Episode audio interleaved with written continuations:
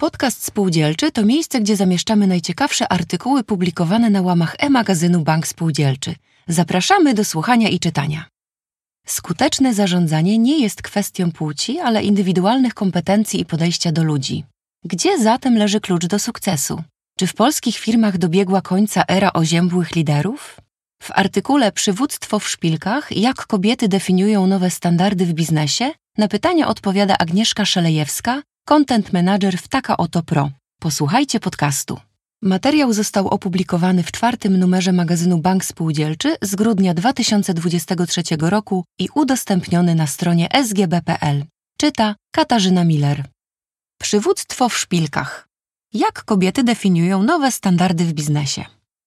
Zapomnij o przestarzałych koncepcjach mózgu męskiego i mózgu żeńskiego w kontekście biznesu.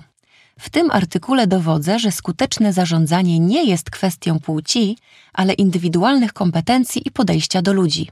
Wykazuje też, że klucz do sukcesu leży w empatii, zrozumieniu i umiejętności budowania solidnych relacji z zespołem. Nie próbuj wpisywać w wyszukiwarkę haseł płeć mózgu albo mózg męski i damski różnice. Gwarantuję, że nie znajdziesz niczego, co rozwieje Twoje wątpliwości. Spierało się zresztą o to już wiele mądrych głów. Do czego doszli? Do tego, że statystycznie mózg męski jest o około 10% większy od kobiecego, że poszczególne regiony odróżniają między innymi gęstość połączeń, liczbę i rodzaj receptorów i że nic z wymienionych aspektów nie przekłada się na wyższą inteligencję czy zdolności poznawcze u którejś z płci. Jest za to jeden pewnik. Różnice w mózgach są wynikiem zarówno czynników biologicznych, jak i środowiskowych, a granica między nimi wciąż pozostaje nieuchwytna. Zatrzymajmy się na aspektach kulturowych. Stereotypy społeczne zwykle przypisują kobietom rolę matki i opiekunki domu, a nie lidera w przedsiębiorstwie. Ich potencjał jako przyszłych menadżerek, liderek, CEO bywa oceniany przez pryzmat roli matki, jak nie obecnej, to przyszłej, a przecież stanowisko zarządcze wymaga pełnej dyspozycyjności i niezależności od zobowiązań pozazawodowych. Mimo to części z nich się udaje. 27%. Tyle wynosi obecnie odsetek kobiet zasiadających w zarządach firm, a 34% to odsetek właścicielek jednoosobowych działalności gospodarczych w Polsce. Cena, jaką płacą za swoją pozycję? Zwykle brak czasu dla rodziny, a korzyści? Wielowymiarowy sukces, nie tylko osobisty, ale całego zespołu, którym zarządzają. Kobietom liderkom nie przyświeca bowiem idea po trupach do celu. Chcą być lubiane, szukają kompromisów, ale bynajmniej nie brak im stanowczości. Historie z życia wzięte. Kamila, inżynier budowy przy realizacji dużych inwestycji na Śląsku, do dziś bywa rodzynką w miejscu pracy. Siedem lat temu, gdy jako świeżynka po studiach wkraczała w świat przesiąknięty testosteronem, gwizdy i niepotrzebne komentarze za plecami były na porządku dziennym. Teraz już tego nie doświadcza – Pewnie dlatego, że kobieta na budowie przestała już być takim niezwykłym zjawiskiem. Obecnie na większości budów już jest kierowniczka bądź inżynierka. A jak rządzi Kamila? Inaczej niż mężczyźni, bez krzyków, dużo uśmiechu i więcej tłumaczeń niż wymagań. Uważam, że tak lepiej, choć nie jest to zasada. Znam kobiety, które swoim zachowaniem chcą udowodnić, że są jak faceci, twierdzi. W zmaskulinizowanych środowiskach pracy zwykle panuje specyficzna kultura, a dyskusje przybierają ekspresyjny, bezpośredni ton.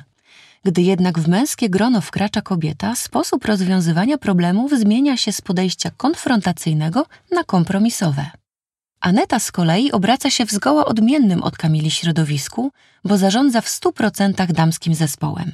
Jest agentką ubezpieczeniową i po kilku latach pracy z ludźmi wypracowała sobie własny system stawiać granice, nie spoufalać się, być konsekwentną, ale przede wszystkim sprawiedliwą. Na ten moment nikt po znajomości nie przyjdzie do mnie po taryfę ulgową.